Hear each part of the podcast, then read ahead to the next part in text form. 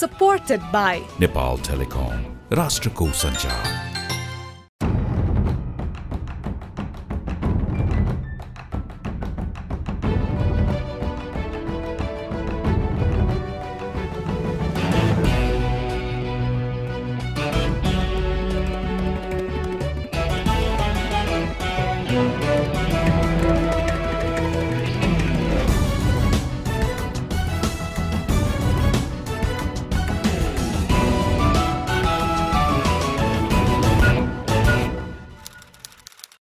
आदरणीय दर्शक तथा श्रोतावृन्द नमस्कार। कार्यक्रम टफ टकमा म दिलभूषण पाठक तपाईँ लगायत मेरा सबै सबै दर्शक तथा श्रोतालाई स्वागत गर्दछु। हिमालय टेलिभिजनमा हरेक बिहिबार साँझ नौ बजे प्रसारण हुने यो कार्यक्रम तपाईँ टफ टकको आफ्नो युट्युब च्यानलमा टफ टक प्रस्तुतकर्ता इन्टरफेस नेपालको web page interface Nepal dot com र हाम्रो पात्रो एपमा हेर्न तथा आइओएस चलाउने श्रोताहरूले आइट्युन्स र एन्ड्रोइड चलाउने श्रोताहरूले नेपाली पडकास्टमा पनि टफ टक सुन्न सक्नुहुनेछ। आजभन्दा ठिक चार वर्ष अघि दुई हजार बहत्तर साल असोज तिन गते संविधान सभाबाट संविधान जारी हुँदै गर्दा भनिन्थ्यो अब यही संविधानले मुलुकका सारा समस्याको गाँठो फुकाउनेछ। निकै ठुलो अपेक्षासहित जारी भएको यो संविधान कार्यान्वयन भएको चार वर्ष पुग्यो तर समस्याका गाँठा जिउका त्यौँ छन् संविधान कार्यान्वयनको अभ्यास धेरै सुखद छैन। उही पुरानो रोग आफू अनुकूलको संविधानको व्याख्या भ्रष्टाचार सत्ता लिप्सा शक्तिको दुरुपयोग अनि कामभन्दा कुरा बढी। गणतन्त्र धर्मनिरपेक्षता सङ्घीयता यी संविधानका तिनवटा मुख्य पिलर हुन्। एकतिसवटा मौलिक हक अधिकारमुखी संवैधानिक आयोगहरूको व्यवस्था लगायतका कारण संविधान निकै प्रगतिशील नमानिएको पनि होइन।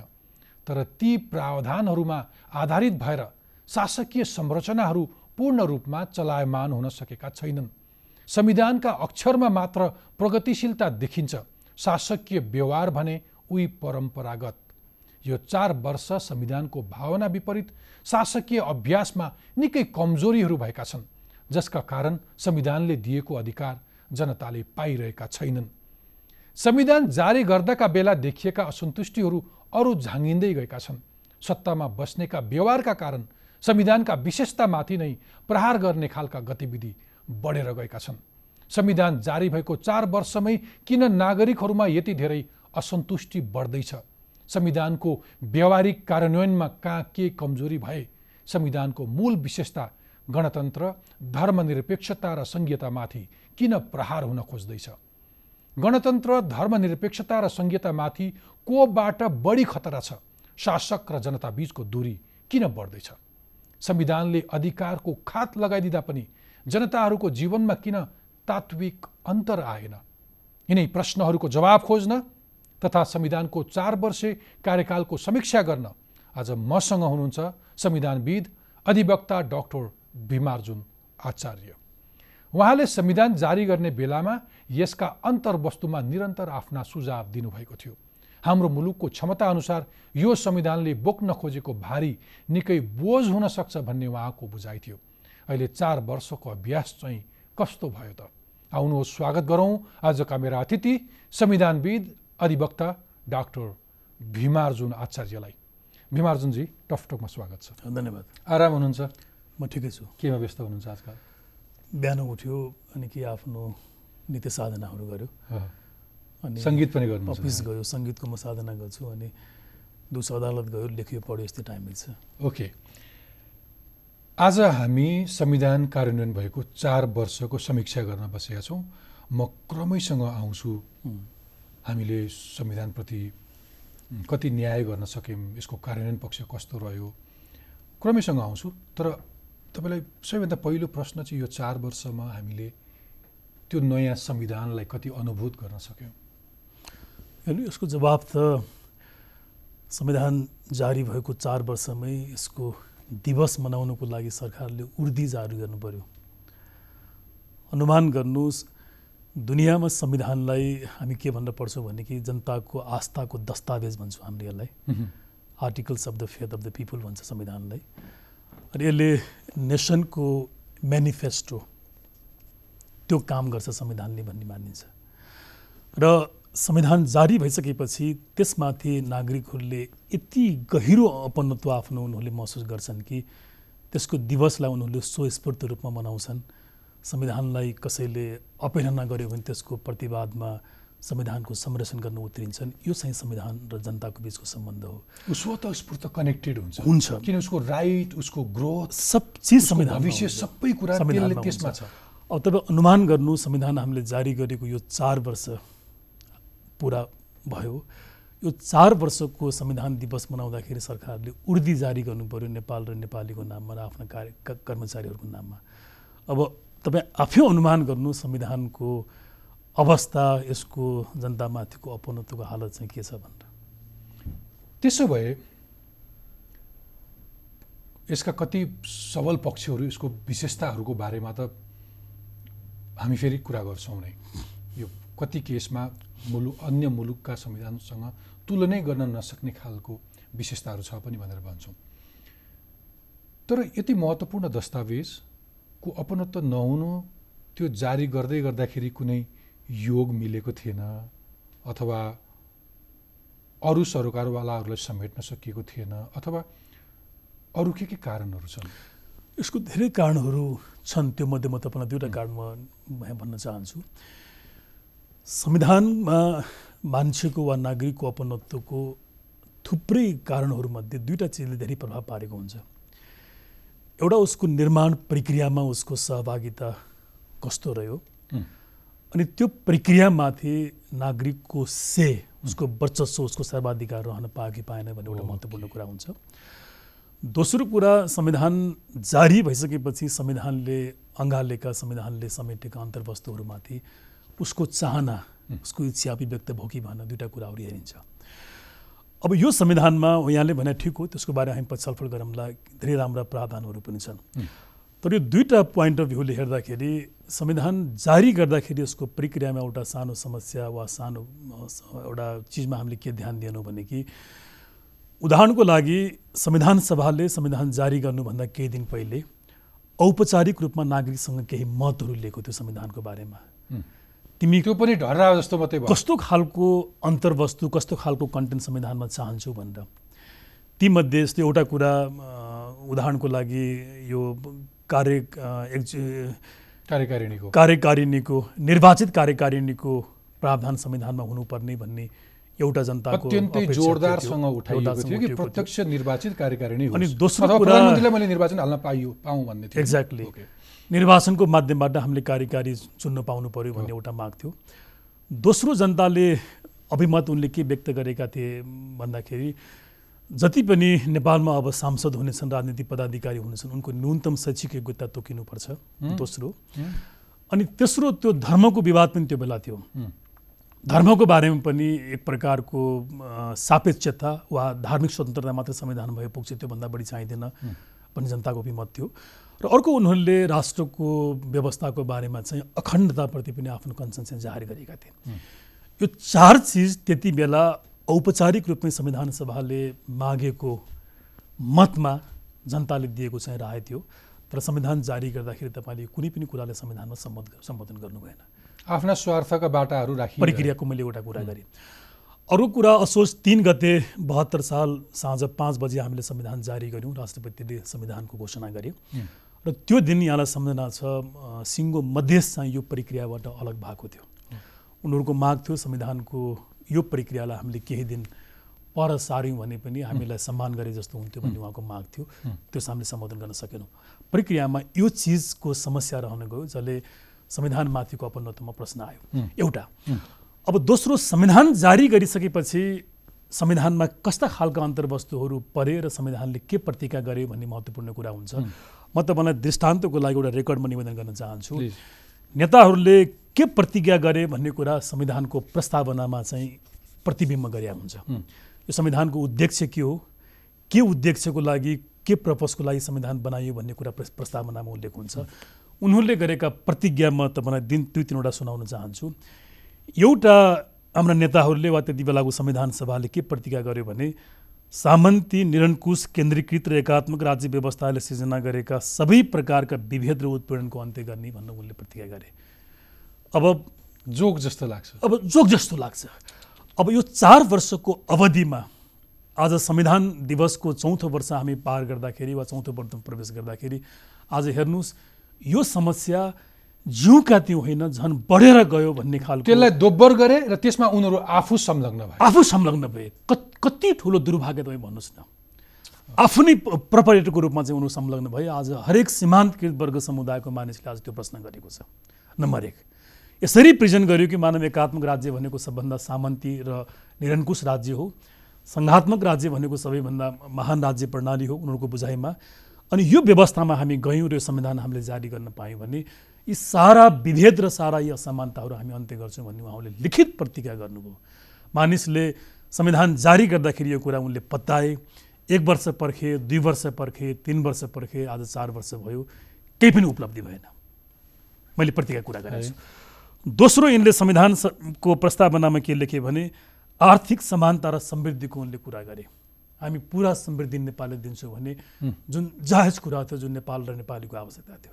म तपाईँलाई स्मरण दिलाउँ यिनीहरूले आर्थिक समृद्धि दिन्छु भनेर बहत्तर साल असोज तिन गते साँझ पाँच बजे संविधान जारी गरेको आज चार वर्षमा यो मुलुकमा एघार खर्बको ऋण चाहिँ आज आज पुगेको छ। इमेजिन गर्नुहोस् आज एउटा बच्चा यो नेपाल धरतीमा जन्म्यो भने जन्मदै उसले तिन चार करोडको ऋण चाहिँ आफ्नो थाप्लोमा चाहिँ बोक्नुपर्नेछ। म दोहोऱ्याउन चाहन्छु करिब एघार खर्बको हाराहारीको ऋण चाहिँ आज नेपालमा पुगेको छ। यिनले आर्थिक समृद्धिको कुरा गरे। र अरू त छोडिदिनुहोस् व्यवस्था सञ्चालनको लागि भनेर अरबौँ अरबौँ रुपियाँ यिनीहरूले चाहिँ विदेशीहरू दाताहरूबाट हिँडेर मूल्य चलाइराखेका छ यो प्रतिज्ञामाथि पनि ठुलो कुठाराघातको अनि तेस्रो यिनले प्रतिज्ञा यिनले के गरेका थिए भने म प्रेसलाई पूर्ण स्वतन्त्रता दिन्छु। उनले लेखा कुरा है मैले भनेको कुरा होइन। प्रस्तावना हेरेर स्वतन्त्र न्यायपालिकाको म प्रत्याभूति गर्छु। लोकतान्त्रिक मूल्य मान्यताको म प्रतिबद्धता मान्यताप्रति म कमिटेड छु भन्ने पनि यिनले लिखित प्रतिबद्धता गरे। आज अवस्था हेर्नुहोस् आज ते तेह्रवटा संवैधानिक निकायको परिकल्पना संविधानले गरेको छ। ती तेह्रवटा निकायमा एक तिहाईभन्दा बढी पदाधिकारी आजको दिनमा रिक्त छ। तिनवटा संवैधानिक आयोगमा त एउटा पनि पदाधिकारी छैन। पाँचवटा संवैधानिक आयोगमा केवल एकजना पदाधिकारी छ।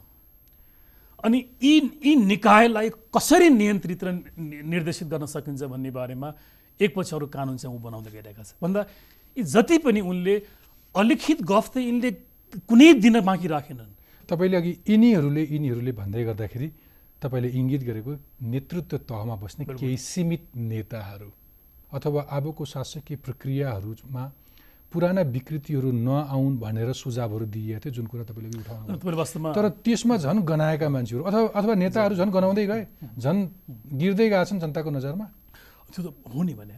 अहिले एउटा शब्द एकदमै मलाई लाग्छ महत्त्वपूर्ण यहाँले प्रयोग के गर्नु भने कि हामीलाई भने कि के थियो भन्दा हिजो खराब थियो। हिजोको व्यवस्था ठिक थिएन जनताको हितमा थिएन। आज हामी त्यो केही चिज पनि दोहोरिन दिँदैनौँ हिजोको प्रवृत्तिलाई हिजोको खराबीलाई. भन्ने तिनीहरूले भनेको हो नि त भने। संविधान सभाको लागि हामीले आठ वर्ष हामीले काम गऱ्यौँ र त्यो दुईवटा संविधान सभाको लागि करिब यो मुलुकमा छ सय अरब जति पैसा चाहिँ खर्च भएको रहेछ। सम्झनुहोस्। त्यति बेला उनीहरूले जनता समक्ष व्यक्त गर्न कुनै चिज नै बाँकी छैन। उनीहरूले पञ्चायतको उनीहरूले विरोध गरे त्योभन्दा पहिलेको राणा शासनको उनले विरोध गरे। त्यति मात्रै कहाँ हो र जुन दिन यो मुलुक एकीकरण भयो यो नयाँ नेपाल वा नेपाल नामाकरण भयो त्यो दिनदेखि आजसम्मको नेपालको हरेक कण कण र पात पातलाई उनले नाङ्गे झार बनाएर चाहिँ उनले आलोचना गरे। र के भने हिजोको राज्य अत्याचारी थियो अन्याय थियो जनताको हितमा थियो दलितको हितमा थियो मधेसीको हितमा थियो जनजातिको हितमा थियो महिलाको हितमा थियो। अब यो सब चिजको निर्मूल हुन्छ। हामी क्रान्तिकारी प्रगतिशील, देखाएका आशा सपना सब एकपछि अर्को झुटमा होइन मैले त तपाईँलाई तथ्याङ्क मैले देखाएँ नि त। यो संविधानले त्यतिखेर जोड दिएको अथवा बढी चाहना गरिएको तिनवटा विशेषता थिए त्यो भनेको गणतन्त्र धर्मनिरपेक्षता र सङ्घीयता दुर्भाग्य यो जारी भएको चार वर्ष भएको छैन। अहिले त्यो लेख्ने त्यतिखेरका वरिष्ठ नेताहरू अथवा जो सरकारमा छन् जो पार्टीको उच्च नेतृत्वमा छन् तिनीहरू आफै के भन्दैछन् भने अब आज गणतन्त्र धर्मनिरपेक्षता र सङ्घीयता खतरामा छ। कोबाट खतरा छ? यो वास्तवमा धेरै मार्मिक प्रश्न हो यो। हामी संविधानमा के पढ्छौँ भने कि संविधानले केही चिजलाई एउटा बेसिक स्ट्रक्चरको रूपमा अङ्गीकार गरेको हुन्छ। त्यो संविधानको पिलर हो वा संविधानको फाउन्डेसन तपाईँ जे पनि यसको नाम दिन सक्नुहुन्छ तपाईँ ठिक भन्नुभयो। अन्य कुराका अतिरिक्त तिन चिजलाई हामीले संविधानको बेसिक पिलर मान्यौँ हामीले बेसिक पिलर मान्यौँ। संहिता धर्मनिरपेक्षता र गणतन्त्रलाई। आज दुर्भाग्य के भइदियो भने कि जसले यो चिजको वकालत गरे जसले यो चिज संविधानमा लेख्नको लागि सबै चिज गरे र जस जुन जसको कारणले मुलुकमा लाखौँ करोडौँ अरबौँ धन सम्पत्ति जो धनको चाहिँ क्षति भयो। आज उनीहरू पनि यो चिजलाई ओन गर्न सक्ने अवस्थामा चाहिँ पुगिरहेको देखिँदैन नम्बर एक। दुर्भाग्य। दुर्भाग्य। अनि दोस्रो कुरा यो के भयो भने कि आफै ओन गर्न सकिरहेका छैनन्। छैन नि भने नसक्ने भए किन ल्याएको भन्नुहुन्न? अनि दोस्रो के भइदियो भने यो चिज आयो भने संविधानमा लेखियो भने यसको प्रतिफल यो हुन्छ भनेर उनीहरूले जुन सपना हिजो बाँड्ने गरेका थिए त्यो चिज पनि भएन। भन्दाखेरि अहिले सोध्नु भएको मलाई प्रश्न जुन छ कि अब यसको खतरा कोसँग छ भन्दाखेरि यो चिज भोलिको दिनमा यदि अझ बढी चुनौतीमा गयो टिक्न सक्ने अवस्थामा भएन भने यसको सम्पूर्ण जिम्मेवारी चाहिँ यसका प्रवक्ताहरू यसका ठेकदारहरू लिनुपर्छ जसले यो चिजलाई चाहिँ संविधानमा हालेका थिए। भन्दा यो अरू कोहीबाट यसो खतरा छैन। भोलि जनताले हामीलाई झुन्याउँछन् भनेर अरूलाई देखाइरह्यो नि? त्यो त पक्का कुरा हो नि भने। भनेको संघीयता धर्मनिरपेक्षता र गणतन्त्र अरू कोहीबाट खतरा छैन। कुनैबाट छैन। अहिले राज्यमा बस्ने यहाँका ठालु नेताहरू जो पार्टी हाँक्छन् 100% तिनीहरूबाट खतरा छ। 100% र भोलि यो यसलाई हामीले धान्न सकेनौँ र यो हाम्रो हातबाट उम्कियो भने आफ्नो दोष अरूलाई पार्न खोजिरहेछन् आफू बस्नलाई अरू कोही देखाइरहेछन् अहिलेका नेताहरू। Hundred percent.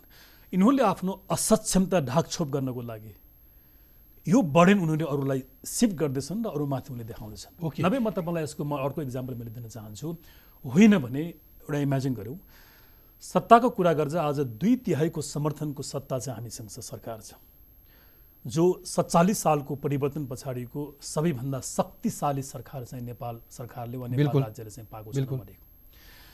सातवटा प्रदेशको संरचना हामीले संविधानमा बनायौँ दुई नम्बरको प्रदेशलाई अलिकति माइनस गरेर बाँकी छवटै प्रदेशमा यो सत्तासँग जोडिएको राजनीतिक विचारधारालाई अगाल्ने वा त्यसलाई समर्थन गर्ने व्यक्तिहरूको वर्चस्व चाहिँ छवटै सरकारहरू यस्तो मेजोरिटीको अवसर सायदै कुनै सायद कसैले कुनै नेताले मुलुकमा पाउँछ। यदि यिनीहरूले चाहेमा संविधानप्रतिको कमिटमेन्ट त्यो यदि इमान्दार हो राम्रो गर्नको लागि उहाँहरूले ती सपनाहरू हिजो बाँड्नु भएको थियो भने उहाँहरूले गर्न चाहेमा गर्न नसकिने भन्ने कुरा केही छैन मलाई भनिदिनुहोस् त। ओके त्यसै मलाई एउटा कुरा भनिदिनुहोस्। यिनले आफ्नो असक्षमतालाई तपाईँले ढाक्नलाई अरू कोहीबाट खतरा छ भनेर हामीलाई भ्रम पार्ने कुरा भइरहेछ नि। त्यो चिसो यिनलाई कतिखेर कसले पारिदियो? अब त सबै त्यसो भनिरहेछन्। यसको संहिता खतरामा छ धर्मनिरपेक्षता खतरामा छ गणतन्त्र खतरामा छ भनेर स्वयं प्रधानमन्त्रीदेखि लिएर यो राज्यका सबै मन्त्रीदेखि लिएर ठालु नेता सबैले भन्न थाले। यसको चिसो कहाँबाट पस्यो? एकदम राम्रो। यसको एउटा खास कारण के छ भने कि यिनीहरूले संविधान लेख्दाखेरि संविधानलाई एउटा मजाकको वस्तु जस्तो यिनले बनाए। ए। यिनी एउटा कस्तो अहङ्कारमा यिनीहरूले काम गरे भने कि यो देशमा बुद्धिजीवीहरू यो देशमा कोही चाहिएन। होइन कोही छँदै छैनन् इन्टेलेक्ट चाहिएन कसै हुनु नहुनु विद्वान चाहिएन। जनता चाहिएन तिनको। सुझाव चाहिएन हामी जे संविधानमा लेख्न सक्छौँ जे लेख्छौँ त्यही चिज संविधान बन्छ। अनि हामीले जसरी संविधान बुझ्छौँ त्यसै गरी संविधान अगाडि हिँड्छ भन्ने रूपमा यिनीहरूले सोचे अनि भइदियो के भने तिनवटा विषयको यहाँले कुरा गर्नु हो भने गणतन्त्रको जहाँसम्म विषय थियो त्यो त संविधानमा लेखेकै भरमा गणतन्त्र भइदियो त्यहाँ कुनै लगानी गर्नु परेन। संविधानमा लेखेका कारणले राजतन्त्र हट्यो गणतन्त्र आयो। धर्मनिरपेक्षी पनि यिनले संविधानमा लेखेका कारणले गर्दाखेरि हिन्दू धर्मको अन्त्य भयो अनि धर्मनिरपेक्षी भन्ने आयो। तर संहिता त लेखेका कारणले हुँदैन थियो नि त। यो त कार्यान्वयन गर्नु पर्थ्यो नि। यसको लागि त लगानी चाहियो स्रोत चाहियो इङ्गेजमेन्ट चाहियो। अब अहिले आएर यिनले के बुझ्यो भने कि यो आफ्नो औकातको विषय चाहिँ रहेनछ भनेर। औकात मात्रै कि स्वभाव पनि? जस्तो यो। कुर्सीमा बसेर अघिल्लो हप्ता नेपाली कङ्ग्रेसका एकजना वरिष्ठ नेताले के भन्नुभयो भने सङ्घीयता अब यो सरकारबाट खतरा छ। सङ्घीयता आज फुल मेजोरिटी लिएको नेपाल कम्युनिस्ट पार्टीको सरकारबाट खतरा छ किनभने ऊ केन्द्रीकृत शासन चाहन्छ। ऊ आफ्नो अधिकार अथवा कुनै पनि कुरा ऊ सङ्घमा पुर्याउनै चाहँदैन। तल प्रदेश तहमा लानै चाहँदैन। ऊ सबै आफ्नो होल्डमा चाहन्छ। ऊ किन दिन्छ? अहिले अधिकार दिन चाहिरहेको छैन रिसोर्सको कुरादेखि लिएर अथवा उसको मनमा संहिता होइन त्यो दिनु छैन भनेर एउटा पक्ष।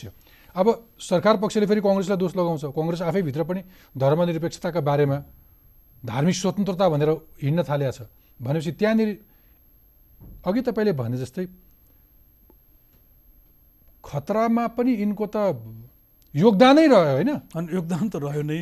यो धर्मनिरपेक्षता गणतन्त्र र संहिता भोलि खतरामा। पर्यो भने यिनले बचाउँदा बचाउँदै खतरामा पर्यो होइन कि? यिनले खतरामा पार्नलाई योगदानै पुऱ्याए यिनले योगदानै पुऱ्याएको। र यो दुइटा कुरो जुन यहाँले भन्नुभयो होइन यो मिल्ने मात्र कुरा हो भने। मिल्ने मात्र कुरा कहाँनिर हो भने कि मलाई लाग्दैन अहिलेको सरकार वा सत्तामा बसेको मान्छेलाई सङ्घीयतालाई विफल बनाऊ भन्ने। वा शक्तिको हस्तान्तरण शक्तिको सेयरिङ नगरौँ भन्ने सायद उनको मनमा त्यो लाग लाग्दैन छैन होला। तर क्वेसन के हो भने कि उनीहरूले चाहेर पनि यसलाई अगाडि बढाउन नसक्ने अवस्थामा यिनीहरू पुगे। यो काङ्ग्रेसले बुझेको छ मधेसवादी दलले बुझेको बुझेको छ सत्ता पक्षको दलले त बुझ्ने नै भइहाल्यो। तपाईँ इमेजिन गर्नुहोस् मैले जुन अघि एघार खर्ब मैले ऋणको मैले कुरा गरेँ जुन अरबौँ ऋण आज पनि लिइराखेको छ यो सबै पैसा यो मुलुकको विकासको लागि होइन।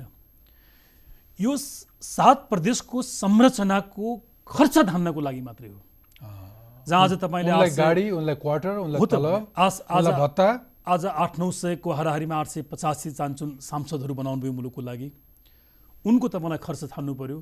सातवटा प्रदेश भनेको सातवटा राज्य जस्तै हो नि त। उसको सारा प्रशासन खर्च यहाँले बिहोर्नु पर्यो। भन्दाखेरि अब तलब पनि। जबकि त संविधानमा तलबको त व्यवस्था गरेको। छैन। तलब चाहिँदैन। यो जम्मै चिज चाहिँ यिनीहरूले अब यो बुझिसकेपछि अब यिनलाई यति ठुलो घाँडो भयो कि मुलुकलाई यसले संहिताको नामको यस्तो सुरुङमा हाले जुन यिनी अगाडि न अगाडि जान सक्ने अवस्थामा भए न पछाडि फर्किन सक्ने अवस्थामा भए। त्यसैले यिनले अब के गर्न थाल्यो भने आफ्नो असक्षमतालाई ढाकछोप गर्नको लागि। मैले गल्ती गरेँ मैले यो उनीहरू रियलाइज गर्ने होइन। यो भोलि असफल हुने उनले देखिसकेपछि अब उनीहरूले आफ्नो असक्षमता ढाक्नलाई उनीहरूले आज चाहिँ कृत्रिम रूपमा आफ्नो शत्रुहरू बैरीहरू उनले खडा गरेर अनि यो हाम्रो व्यवस्थालाई हाम्रो परिवर्तनलाई चाहने यो त्यो उनले भन्न चाहन्छ। मलाई लाग्छ त्यसले नियत यिनको सफा हुँदाहुँदै पनि कतिपय एजेन्डा जुन संविधानमा उल्लेख गरे जुन यिनको बसको विषय नै थिएन। ओके। अब संहिताको अर्को विशेषता के थियो भने पावर सेयरिङ एक्ज्याक्टली होइन? त्यो त्यो सेन्ट्रलाइज एउटा एउटा सिस्टमलाई मान्छेले ओन गरोस् आफ्नो तहमा उसको घर दैलोमा अधिकार लान्छौँ भनेर सिधा बुझाइएको सरल भाषामा त्यही थियो होला। यिनको यो बदमासी तपाईँले भने जस्तै हो भने पनि त्यहाँ उपयोग गर्ने स्थानीय तहमा पनि त अथवा तपाईँ हामी यो सङ्घीय अभ्यास त राम्रोसँग गर्न सक्थ्यौँ होला नि त। यसको यसको राम्रो साइडहरू हामी प्रयोग गर्न सक्थ्यौँ होला नि। त्यो चाहिँ कहाँ कुन त कुन तहमा छौँ? होइन त्यो उपयोग गर्ने कुरामा अथवा यसको प्रयोग गर्ने अभ्यास गर्ने कुरामा हामी कहाँ छौँ? त्यो वास्तवमा सकिन्थ्यो यहाँले भन्नुभयो जस्तो सङ्घात्मक राज्यलाई एउटा त्यति बेला एउटा एनालोजी प्रयोग गरिएको थियो कि सिंहदरबारलाई गाउँ गाउँमा पुर्याउने भनेर। एक्ज्याक्टली त्यसको मिनिङ थियो वास्तवमा कि अबको राज्य केन्द्रीकृत हुने छैन। शक्तिको विकेन्द्रीकरण हुनेछ शक्तिको निक्षेपीकरण हुनेछ भन्ने अवधारणा। हो। त्यो कन्सेप्टलाई म पनि सम्मान गर्छु। तर दुर्भाग्य यिनले के भइदियो भने कि सिंहदरबारलाई यिनले घर घरमा पुऱ्याएनन् बरु सिंहदरबारको भ्रष्टाचारलाई यिनले गाउँ गाउँमा पुऱ्याइदिनु उनले। नम्बर एक। अनि दोस्रो यिनीहरूले के गरे भने शक्तिको विकेन्द्रीकरण होइन भ्रष्टाचारको विकेन्द्रीकरण गरे। हिजो त्यो भ्रष्टाचार सिंहदरबारभित्र सीमित थियो भने आज हरेक गाउँमा हरेक वडा कार्यालयमा चाहिँ त्यो पुग्यो। उनले सिके। उनले सिके भने। यहाँबाट सिके। आज तपाईँले गरेर सर्वेक्षण गर्नुहोस् आज आम मानिसलाई आज हरेक मानिसको भनाइ चाहिँ त्यही छ हेर्नुहोस्। अब जहाँसम्म सेवा सुविधा कुरा छ यसमा पनि टेक्निकली पनि हामी चुक्यौँ जस्तो तिन तहको हामीले सरकार हामीले बनायौँ माथि युनियन गभर्मेन्ट हामीसँग भयो प्रदेश भयो स्थानीय भयो। स्थानीयमा के गर्यो भने हिजो हरेक मान्छेको वडा वडामा वडा कार्यालय हुन्थ्यो। अहिले वडा त बनाउनु भयो। तर कतिपय ठाउँमा दुईवटा तिनवटा गाविसलाई मर्ज गरेर एउटा एउटा वडा बनाउनु भएको छ। दुई दिन लाग्छ कति त्यो पहाड पहाड र हिमालमा त त्यो वडा कार्यालय पुग्नु दुई दिन लाग्छ। हेर्नुहोस् त्यो कहाँ सिंहदरबार गर्ने गाउँमा घरमा पुग्यो? मलाई मलाई भन्छ झन् टाढा भयो घर छेउको वडा कार्यालय अरू टाढा पुऱ्यायो। टाढा पुऱ्याइदिए यसले दोस्रो यसले के गर्यो भने हिजो मानिसले वा सेवाग्राहीले आफ्नो सेवा पाउनको लागि हरेक जिल्लामा जिल्ला कार्यालयहरू थिए। त्यो अवधारणा पनि लब्बो लब्बो यसले निमिटान्ने पारिदिए यिनले आज कतिपय सेवा त कुन कार्यालयबाट कसरी प्राप्त गर्ने भन्ने पनि यो चार वर्षमा चाहिँ टुङ्गो लागेको छैन। यो हालतमा यिनीहरूले चाहिँ स्थानीयलाई पुऱ्याइदिए। तर फेरि पनि स्थानीय तह चाहिँ नेपालको आवश्यकता थियो र हो यसमा मेरो अरू भन्नु केही पनि छैन।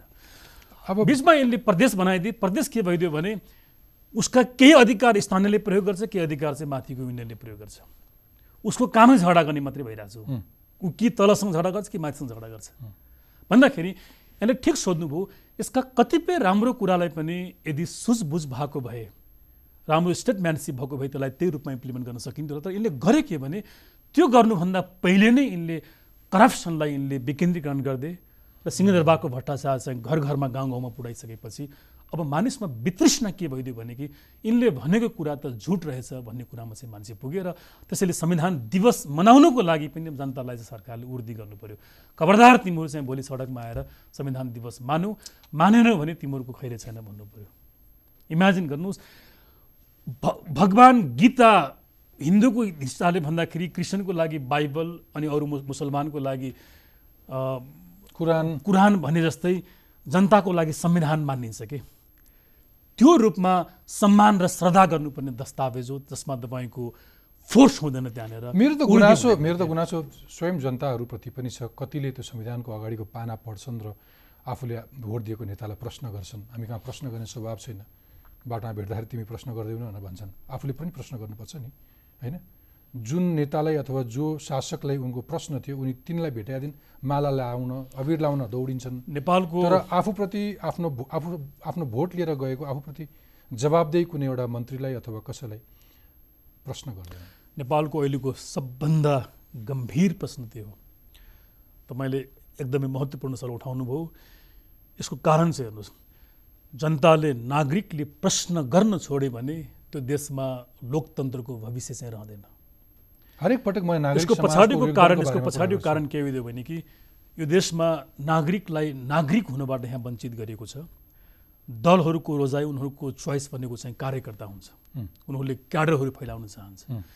देश र त्यसको लोकतन्त्र टिक्ने भनेको चाहिँ नागरिक सत्तामा हो। लोकतन्त्र भनेको नागरिक तन्त्र हो। तपाईँ आज हेर्नुहोस् तपाईँ आज फ्री इन्डिपेन्डेन्ट माइन्ड इन्डिपेन्डेन्ट नागरिक भएर बाँच्न चाहन्छु भन्नुभयो भने कुनै पनि छ। भोगेको कुरा। बहुत ठुलो विडम्बना। होइन मेरो प्रश्न चाहिँ किन पटक पटक मैले उठाउनु खोजेको चाहिँ एउटा भ्रष्ट नेता भन्ने गाली गर्ने तर अगाडि आएको दिन फुलमाला लाउने। अनि गएपछि यो नालायक यसले काम गरेन भनेर फेरि कुरा काट्ने त्यही कुरा मुखिन्जेल भनिदिएको भए यदि नजानेर र अज्ञानले त्यो व्यवहार गरिरहेको नेतालाई सप्रिने म बिल्कुल म सहमत छु। ठिक छ। अब अर्को म म संविधानको विशेषताको बारेमा हामी छलफल गरिरहेछौँ। अलिकति क्रिटिकल्ली हामी यसलाई समीक्षा गरिरहेछौँ। भलै संविधानप्रति अथवा अहिलेको व्यवस्थाप्रति कुनै नकारात्मकता सिर्जना गर्ने हाम्रो बिल्कुल उद्देश्य होइन। मलाई एउटा कुरा भनिदिनुहोस् यो संविधानले चाहिँ अझ प्रपर पब्लिकले फिल गर्ने आफ्ना राइट्सहरूको बारेमा केही आयोगहरूको व्यवस्था गरेको थियो संवैधानिक आयोगहरू जसले जनताका केही मौलिक अधिकारहरू ग्यारेन्टी गर्छ अथवा त्यसलाई कार्यान्वयनमा लान्छ भनेको थियो। एकतिसवटा अधिकारहरूको व्यवस्था भयो तर अधिक ती अधिकार नागरिकले अहिलेसम्म अनुभूत गर्न सकेका छन् पाउन सकेका छन्? संविधानको अहिले यहाँले कुरा गर्नु भने तिन सय आठ धाराको संविधान चाहिँ हामीले बनायौँ। वास्तवमा ठिक यहाँले भन्नुभएको छ संविधानमा राम्रा धेरै प्रशस्त कुराहरू छन् र म यहाँलाई क्याटेगोरिकली भन्न चाहन्छु यो संविधानको स्ट्रेन्थ के हो भनेर मलाई यहाँले सोध्नु भने यसका पाँचवटा महत्त्वपूर्ण फन्डामेन्टल स्ट्रेन्थ चाहिँ संविधानमा छ। यो अहिले म यसलाई यो अवसरमा लिइहाल्छु। एउटा यो नागरिकता सम्बन्धी प्रावधान हो।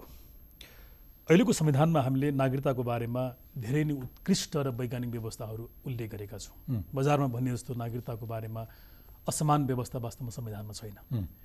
त्यति मात्र होइन महिलालाई हामीले वंशीय अधिकार दियौँ। संसारमा करिब दुई सयवटा देशमा संविधान लेखिएको छ आजसम्म। संसारको कुनै पनि संविधानले महिलालाई वंशीय अधिकार चाहिँ दिएको छ जति प्रोग्रेसिभ गभर्मेन्ट र कन्ट्री भए पनि। भए पनि accept Nepal. Accept this constitution. Number एक।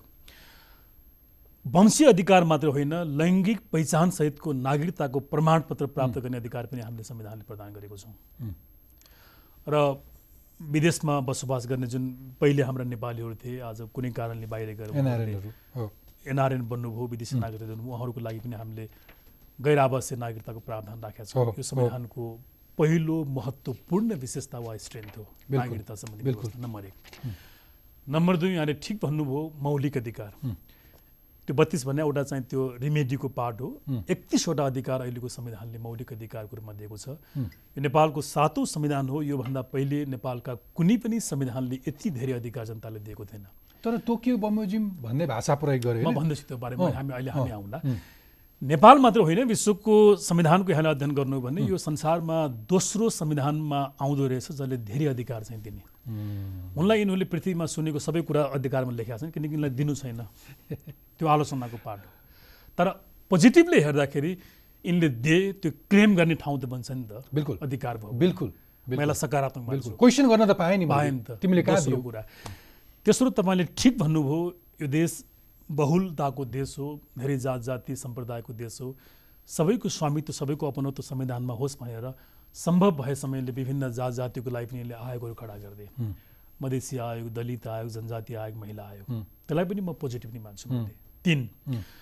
चौथो समावेशिताको लागि राज्यको हरेक निकायमा हुने नियुक्ति समावेशिताको सिद्धान्तमा हुने भन्ने संविधानको। धारा दुई सय तिरासीमा लेखेको छ त्यो पनि यिनले बनाए चौथो पाँचौँ संविधानलाई यति फ्लेक्जिबल यिनले गरे कि यो चार कुराका अतिरिक्त एउटा त्यहाँ देशको सार्वभौमिकता भन्छ एक। दुई भौगोलिक अखण्डता तिन राष्ट्रको स्वाधीनता र चार जनताको सार्वभौम सत्ताको अधिकार। चार चिजदेखि बाहेक सारा सब चिज एमेन्डमेन्ट हुनसक्छ पनि यिनले भन्थे यो पाँचवटा संविधानको स्ट्रेन्थ हो। तर यहाँले सोध्नुभयो जस्तो के भइदियो भने कि संविधानमा लेखिएका यी सबै कुराहरू सजावटको लागि लेखिएको थिएन। संविधान कार्यान्वयन हुने दस्तावेज हो त्यसलाई इन्फोर्सेबल बाइन्डिङ ल भनेर भन्छ। तर यी सब चिजलाई उनले केवल सजावट बनाइदिए आयोग यहाँले सोध्नुभयो आज ज- गरिब जनजाति दुनियाँको लागि आयोग बनाइयो। एब्सोल्युटली दलित आयोग महिला आयोग थारू आयोग मधेसी आयोग मुस्लिम आयोग समावेशी आयोग यति धेरै आयोगलाई पदाधिकारी दिन सक्दैन चार वर्षमा। आज चार वर्ष मैले भने त तिनवटा आयोगमा त एकजना पनि पदाधिकारी छैन। पाँचवटा आयोगमा त्यो फेरि सिधा सिधा कहाँ गएर जोडिन्छ भने आफ्नो इन्ट्रेस्टसँग जोडिन्छ। बिल्कुल। आफ्नो नजिकको मान्छे राख्ने होडबाजी अथवा त्यो छिनाझम्टीका कारण मात्रै बन्न नसकेको अरू केही कारण हो छ। त्यसैले म तपाईँसँग म बडो विनम्रपूर्वक म जोड जारले भन्न चाहन्छु कि हाम्रो शासकहरू बेमान छन्। उनीहरूले जे हिजो बोले आज जे बोल्दैछन् उनीहरूले झुट बोल्दैछन् भन्ने हामीले बुझ्नु पऱ्यो यहाँले भने जस्तो अब यिनलाई हामीले प्रश्न गर्नु पऱ्यो कि? प्रत्येकले प्रश्न गर्नु पऱ्यो यिनका प्रत्येक कार्यकर्ताले प्रश्न गर्यो तिमीहरू राष्ट्रमाथि संविधानमाथि किन बिट्रे गर्दछौ किन खेलबाड गर्दैछौ भन्दा? र त चेतावनी पनि झुन्डाउनु पर्यो कि तिम्रो बिमानीको। मूल्य अथवा हिसाब किताब तिमीले दिन चुकाउनु पर्छ चुकाउनु पर्छ र तिमी सधैँको लागि होइनौ। हुनै पनि होइन त्यो त्यो डेमोक्रेसी हो नि भने। हामीसँग चोइसको फ्रिडम छ हामीसँग। हामीलाई रातो कपडा मन नपऱ्यो हामी कालो कपडा लाउँछौँ। कालो मन नपऱ्यो हामी पहेँलो कपडा लाउँछौँ हामीले। त्यो चोइस संविधानले हरेक जनतालाई चाहिँ ग्यारेन्टी गरेको छ।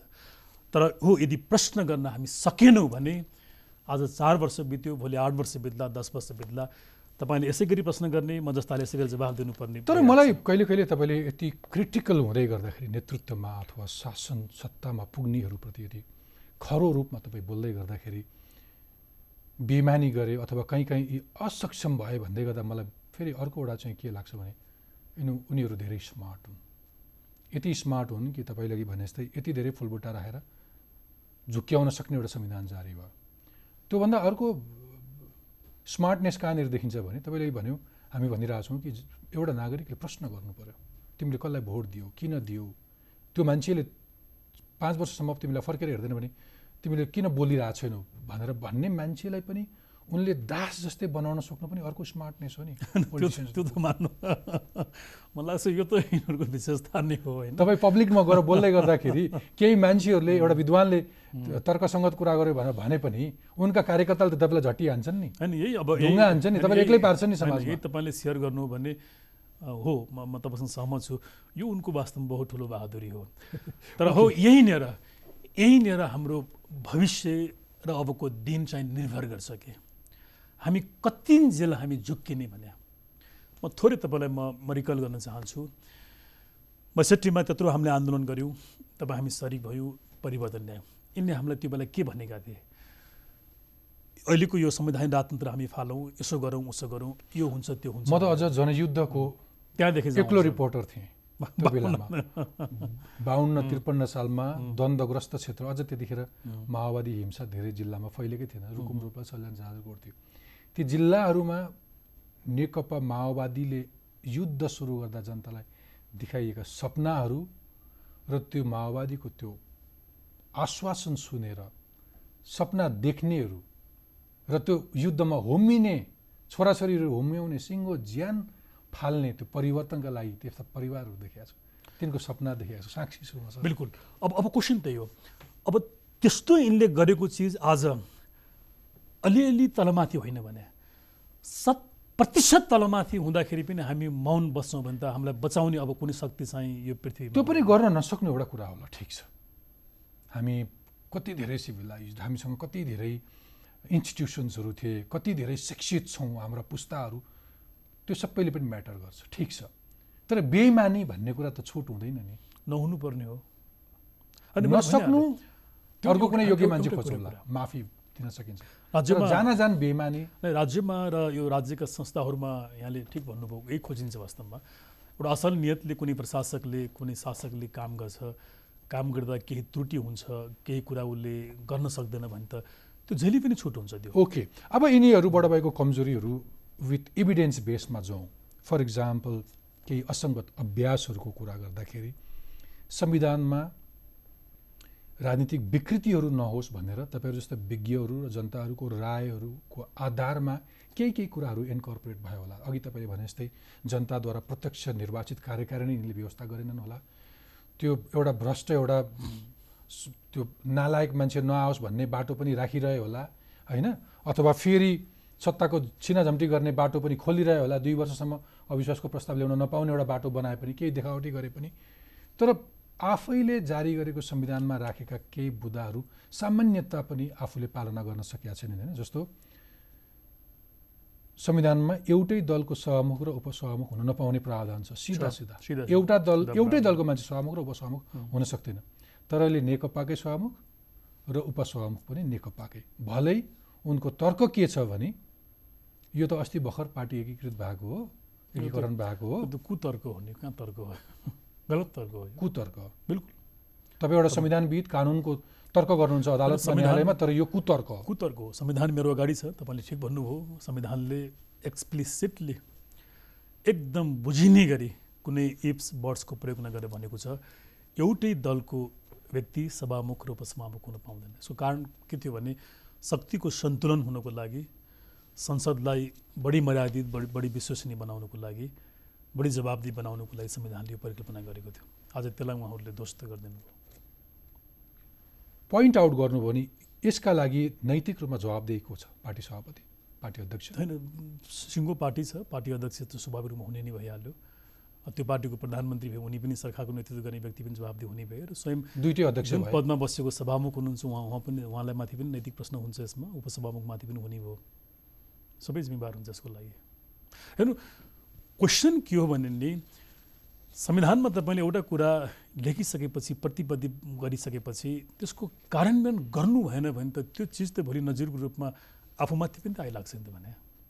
ओके। यो डेमोक्रेसी हो भोलि हामीले चुनाव गरौँला अर्को मान्छे त्यो पदमा ल्याउँला अर्को सरकार ल्याउँला चिज त फेरि फेरि दोहोरिएला नि त्यो बेला। अर्को एउटा दृष्टान्त तपाईँले अघि ओपनिङमै भनिसक्नुभयो। त्यसको प्रस्तावनामा के छ भनेर। संविधानको मूल मर्म भनेको चाहिँ लोकतन्त्रलाई जोगाउने हो। बिल्कुल। त्यो लोकतन्त्रको अर्को एउटा मेजर एसेन्स भनेको प्रेस फ्रिडम हो अथवा तपाईँको स्वतन्त्र रूपमा तपाईँको मौलिक अधिकारहरू जुन छन् अभिव्यक्ति स्वतन्त्रताहरू छ। अहिले चाहिँ फेरि त्यही सरकारले यो चार वर्ष पुरा नहुँदैखेरि यस्तो खालको कानुन निर्माण गर्न खोज्दैछ कि तपाईँको वाक स्वतन्त्रता अथवा तपाईँको अभिव्यक्ति स्वतन्त्रतामा अङ्कुश लगाउन खोज्दैछ भनेर धेरै टिका टिप्पणी हुँदैछ। म यो लेखपढ गर्ने पत्रकारिता क्षेत्रको मान्छेले मैले योभन्दा म पूर्वाग्रही जस्तो हुनसक्छ। तर तपाईँ एउटा स्वतन्त्र एउटा संविधानविदका हिसाबले भन्दाखेरि चाहिँ अघि तपाईँले अङ्गित इङ्गित गर्नुभयो त्यो संविधानसँग बाँझिएको छ अथवा सरकारको नियत गलत छ? ऊ ऊ साँच्चै मान्छेको अभिव्यक्ति स्वतन्त्रतामा रोक लगाउन खोज्दैछ? बिल्कुल खोज्दैछ। तपाईँ यसमा कति पनि बायस हुनुहुन्न शत प्रतिशत साँचो कुरा त्यही हो। रोक्दैछ भनेको त एउटा सरकार त्यसो भए तानासाही बन्दैछ? होइन त्यो त्यो प्रश्न देखिराखेको छ नि। यसको तपाईँ इक्जाम्पल हेर्नुहोस्। अघि हामीले केही डेमोक्रेटिक इन्स्टिट्युसनको हामीले कुरा गऱ्यौँ। जुन लोकतन्त्रका सबभन्दा महत्त्वपूर्ण पिलर गहनाहरू। पदाधिकार विहीन बनाउनु पनि त्यसमाथिको उसको नियन्त्रण नै हो नम्बर एक। नम्बर दुई पदाधिकार विहीन मात्रै होइन उसले कानुन बनाएर उसले क्याटेगोरिकली त्यो संस्थामाथि आफ्नो नियन्त्रण राख्दैछ। अस्ति मात्रै उसले महा लेख लेखा परीक्षाको कार्यालयमाथि आफ्नो नियन्त्रण राख्यो। राष्ट्रिय मानव अधिकारमाथि उसले आफ्नो नियन्त्रण राख्यो। उसको स्वायत्तता उसले खोजिराखेको छ। निर्वाचन आयोगमाथि उसले त्यही गरिराखेको छ। न्यायालयमाथि यदा कदा ऊ त्यो गर्न खोजिराखेको छ। प्रेस प्रेसमाथि उसले त्यो गर्न खोजिराखेको छ। गर्दा गर्दा ऊ के गर्दैछ भने अहिले जुन स्वतन्त्र नागरिक हुन्छ उसको अभिव्यक्तिलाई पनि उसले निषेध गर्न गइराखेको छ। भर्खर एउटा घटना तपाईँले देख्नुभयो। एउटा नागरिकले केही भिन्न मत उसले राखे एकजना मन्त्रीको बारेमा। जसलाई चाहिँ सत्तासँग जोडिएको एउटा भातृ सङ्गठनले खास अमुक जिल्लामा उनलाई निषेध प्रवेश निषेध भन्न चाहिँ गरायो। इमेजिन गर्नुहोस् विधिको शासनले चलेको देशमा यस्तो हुन सम्भव छ। यो त रुल अफ लको देश हो नि रुल बाई लको पनि होइन। तर काहीँ काहीँ कुनै कुनै क्षेत्रहरूमा हेऱ्यो भने त फेरि विथिति पनि त्यस्तै छ। होइन। त्यस्तै शक्तिको दुरुपयोग पनि छ। त्यसकारण। एउटा फुल मेजोरिटीमा बसेको एउटा सरकारले त्यसमा रिफर्म गर्ने योभन्दा अर्को उपयुक्त अथवा उत्तम अवसर त हुँदैन। परिवर्तन गर्न चाहनु चाहन्छु म मसँग फुल मेजोरिटी छ भने त जस्तो प्रेस स्वतन्त्रताको अभिव्यक्ति स्वतन्त्रतासँग जोडिने एउटा पक्ष हो। तर त्यहाँभित्र लट्ठी लगाउनु पर्ने होइन मलाई यो शब्द माफ गर्नु होला झुन्नाउनु पर्ने खालका मान्छेहरू पनि छन् नि बदमासी गर्नेहरू। मेरै क्षेत्रमा पत्रकारिता क्षेत्रमै जेलमा कोचिहाल्नु पर्ने दण्ड जरिमाना गरिहाल्नु पर्ने त्यो त्यो पेसालाई त्यो व्यवसायलाई दुरुपयोग गर्ने मान्छेहरू पनि छन् नि। मैले मेरो क्षेत्रमा देखेँ जस्तै अरू क्षेत्रमा मेरो मेरो पनि धेरै व्यथिति छ। मेरोमा पनि छ। तिनलाई पनि त लगाउनु पर्ने त छ। अनि मेजोरिटीको सरकारले त नलगाए कसले लगाओस् त? अनि यसलाई फेरि हामीले दुईवटा धेरै शङ्का गरिरहेको छैनौँ। दुईवटा कुरा। म तपाईँसँग सहमत छु सरकार वैधानिक शक्ति हो। उसँग त्यो लेजिटिमेट पावर छ विवादै भएन। उसले केही पनि नगर्ने भन्ने भनाइ नै होइन। केही पनि गर्न पाउने भयो त सरकारै किन भयो वैधानिक शक्ति छ उसँग। नम्बर एक। नम्बर दुई यो पनि तपाईँसँग म सहमत छु कि नागरिकका पनि हरेक व्यवसायका पनि आफ्ना कर्तव्यहरू सीमाहरू हुन्छन् मिडियामा भित्र रहेका केही अनियमितता मेरो कानुनतिर भएका केही अनियमितताहरू अरू नागरिकतिर भएका केही समस्याहरू म तपाईँसँग शत प्रतिशतमा सहमत छु। तर अहिले उसले गर्न खोजेको चिज चाहिँ त्यो तत्त्वलाई उसले दुरुत्साहन गर्ने त्यसलाई उसले डिस्करेज गर्नको लागि होइन। तपाईँले मिडियाको मिडियाको कुरा गर्नु यहाँले फ्री स्पिचलाई उसले कन्ट्रोल गर्नको लागि उसले कानुनको अगाडि बढाइराखेको छ। नागरिकको फ्री मुभमेन्टको लागि नागरिकको भिन्न मत राख्नेलाई उसले निषेध गर्न उसले कोसिस गरिराखेको छ। अनि अघि हामी चर्चा गरेका संविधानले परिकल्पना गरेका ती निकायहरू संवैधानिक अङ्ग आयोगहरूलाई उनीहरूले अङ्कुश लाउनलाई उसले काम गरिरहेका छ भन्दाखेरि यो त्यो नियत चाहिँ प्रष्ट भएन नभए त्यो भित्रको खराबीलाई म नियमन गर्छु भन्दाखेरि त के आपत्ति हुन्थ्यो मेरो त बेनिफिट अफ डाउट मात्रै हो। ओके अब एउटा कुरा संविधानको अर्को एउटा मूल मर्म के थियो भने स्वतन्त्र न्यायालय अथवा न्यायालयमा सुधार। तपाईँ त झन् त्यसैमै दिनरात तपाईँको समय त्यहीँ बित्छ। कति सुध्रियो हाम्रो न्यायालय? न्यायालयको। न्यायालयको स्वतन्त्रताको यसको दुईवटा दुईवटा फेसेट हुन्छ। एउटा यसको संस्थागत स्वतन्त्रता भन्छौँ हामीले। इन्स्टिट्युसनल अटोनोमी वा इन्डिपेन्डेन्स अर्को चाहिँ उसको क्रियात्मक स्वतन्त्रता हुन्छ जसलाई हामी फङ्सनल वा डिसिजनल इन्डिपेन्डेन्स भनेर भन्छौँ। अपरेसनमा। अपरेसनमा। संविधानले अहिलेको न्यायालयलाई संरचनागत रूपमा शत प्रतिशत स्वतन्त्र बनाएको छ। तर अपरेसनमा हामीले जाँदाखेरि चाहिँ संविधानले त्यो परिकल्पना गरेको भए पनि न्यायालय चाहिँ डिपेन्डेन्ट देखिन्छ तर यसको मुख्य कारण पनि एउटा कारण त स्वयं न्यायालय नै हो उसले अरूलाई मात्रै भन्न मिल्दैन दोस्रो कारण फेरि अहिले अहिलेको सत्ता वा रिजिमसँग चाहिँ जोडिन्छ जसले एकपछि अर्को न्यायालयलाई आफ्नो बसमा राख्ने उसले काम गरिरहेको। त्यसको ज्वलन्त देखिने प्रमाण के हो त भन्दा न्यायालयमाथि हुनेको नियुक्ति उसले गर्ने काम कारबाहीमाथि सरकारको प्रत्यक्ष रूपमा देखिने प्रभाव। त्यो नियुक्ति चाहिँ आफ्नो पार्टीप्रति आफ्नो सरकारप्रति झुकाव राख्ने आस्था राख्ने एउटा न्यायकर्मीलाई मात्रै पठाएको कि आफ्ना कार्यकर्तालाई नै पठाएको? अनि पुरै कार्यकर्ता। नाङ्गो रूपमा चुर्लुममै शत प्रतिशत कार्यकर्ता जोसँग नागरिकको यति पनि गुण बाँकी थिएन। ऊ कार्यकर्ता सिवाय यो धरतीमा उसँग मान्छे हुनुको अरू कुनै पनि प्रमाण उसँग थिएन। त्यस्तो व्यक्तिलाई यिनले नियुक्ति गरे।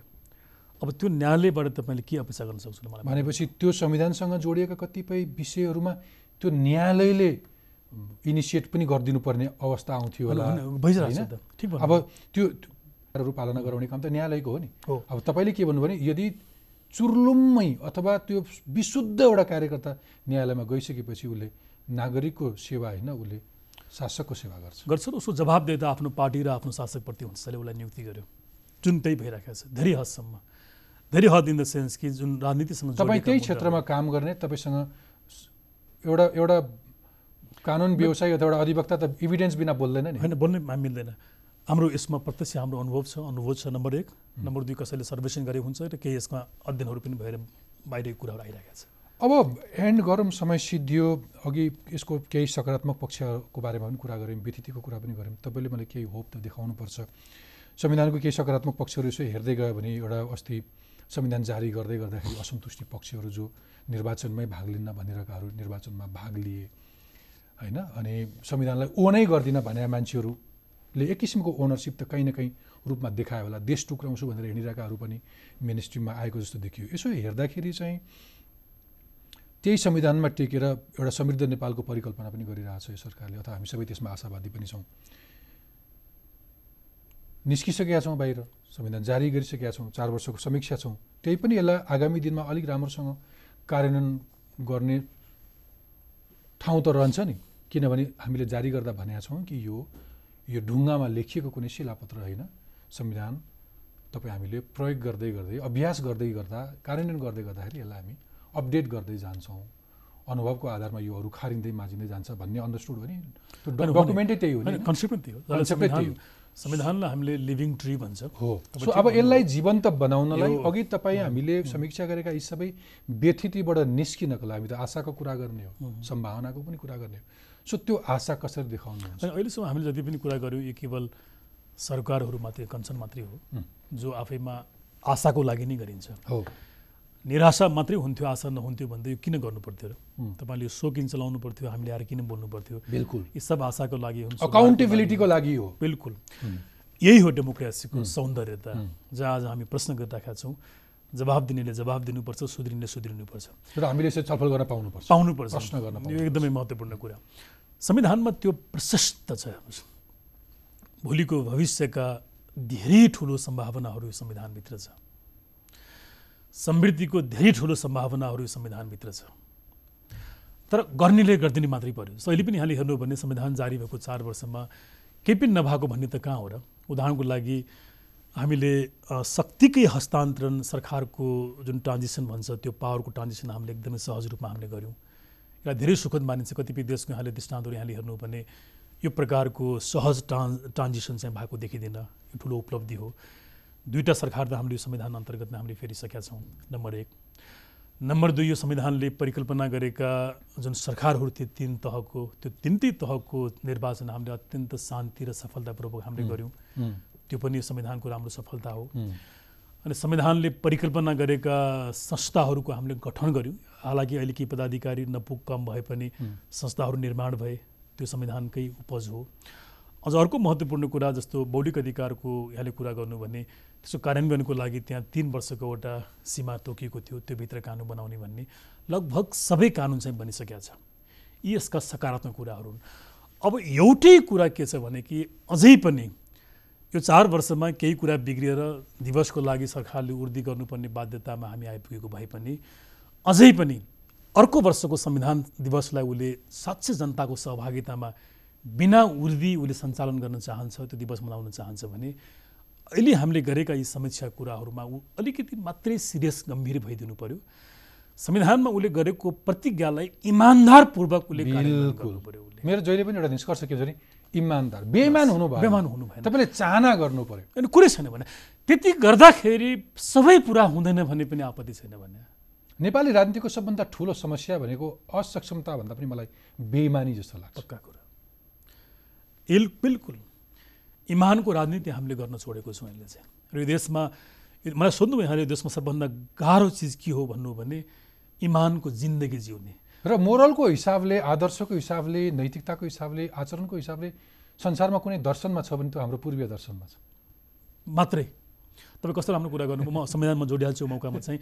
हेर्नु संविधान केवल पुलिस पावरले मात्रै चल्ने दस्तावेज होइन। एक्ज्याक्टली कानुन हो यो। कानुन दस्तावेज हो। तर यसको अथोरिटी भन्ने लिगल मात्रै हुँदैन मोरल पनि हुन्छ। मोरल अथोरिटी बिना त संविधान तपाईँले चलाउनै सक्नु म चल्ने मेरो मोरलले मेरो अनुसार ल एन्ड अर्डर मेरो- मेन्टेन मेरो- गर्ने मेरो ग्राउन्ड मेरो मोरल होइन? म चोर छु म साधु जस्तरी म अरूलाई प्रवचन दिन्छु भने अरूले मलाई पालना गर्ने भन्ने कुरै हुँदैन। हुन्छ। यो बुद्धि आओस् सबैलाई। ठिक छ तपाईँको महत्त्वपूर्ण समय र विचारका लागि भीमार्जुनजी अवसर पाइयो। फेरि फेरि पनि बोलाउँछु हामी धन्यवाद तपाईँसँग धेरै मैले इन्जोय गरेँ